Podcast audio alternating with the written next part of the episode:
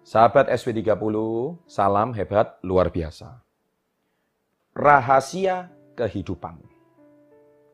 Saat kita memberi, kita akan menerima. Saat kita menolong orang lain, pada saat yang sama kita sedang menolong diri sendiri. Apa yang kita lakukan untuk orang lain, sebetulnya kita sedang melakukannya untuk diri sendiri. Inilah rahasia kehidupan yang tersembunyi bagi banyak orang. Saya selalu mengajarkan tentang kalau Anda mau menerima, memberilah terlebih dahulu. Bukan karena mereka tidak melihat kebenaran ini, tapi karena mereka tidak mempercayainya. Karena itu banyak orang yang lebih berbahagia menerima daripada memberi.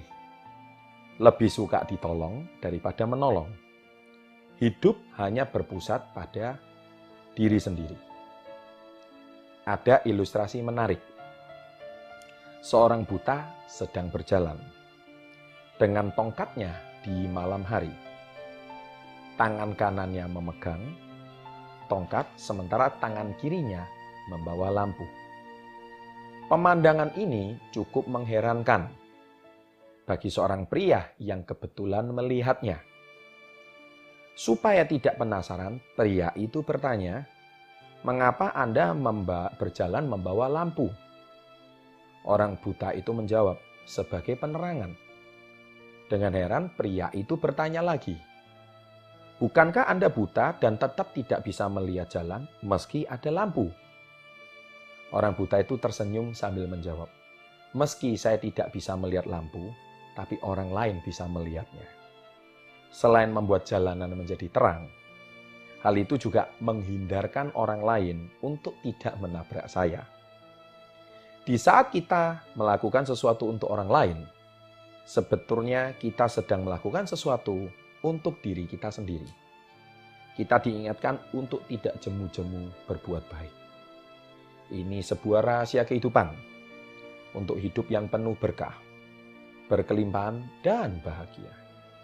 Apa yang kita lakukan untuk orang lain, suatu saat pasti akan kembali pada kita. Hidup adalah waktu, hargai waktu yang tersiksa, jalani hidup penuh rasa syukur dan kebahagiaan. Selalulah berbuat baik, selalulah menolong sesamamu, jangan pernah menyakiti orang, jangan sering berbohong, dan menipu orang lain. Jangan pernah merugikan orang. Jangan pernah bersikap paling benar. Dan berhentilah membicarakan kejelekan orang lain dan terus menggerutu.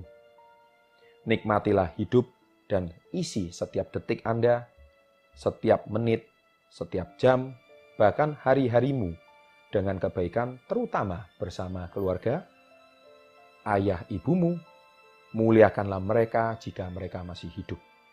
Anak-anakmu, saudaramu, handai taulan, serta bahagiakan mereka semua selagi mereka masih punya waktu.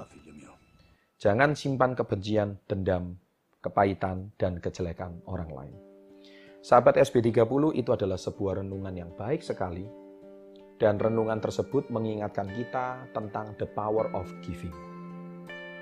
Entah sudah berapa video yang saya buat di channel SB30 ini tentang kekuatan memberi Bahkan di buku saya Badai Pasti Berlalu, saya juga sudah bilang, jangan tunggu kaya baru memberi, tapi memberilah Anda akan semakin kaya. Jangan tunggu berlebihan baru Anda memberikan sedekah, tapi bersedekahlah Anda akan diberi kelebihan.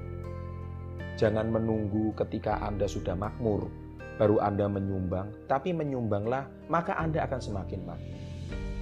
Entah sudah berapa kali saya sudah mengingatkan di channel SP30 tentang the power of giving. Sahabat SP30 yang saya cintai, kekuatan the power of giving ini sudah terbukti.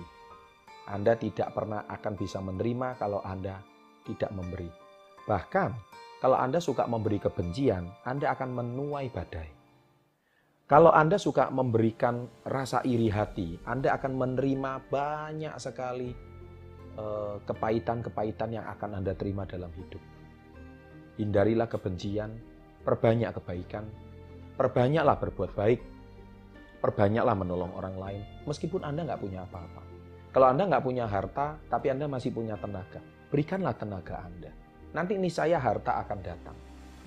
Kalau Anda hari ini tidak punya harta, Anda punya kepandaian, berikanlah kepandaian Anda. Berikanlah skill Anda, nanti harta akan mengikuti Anda.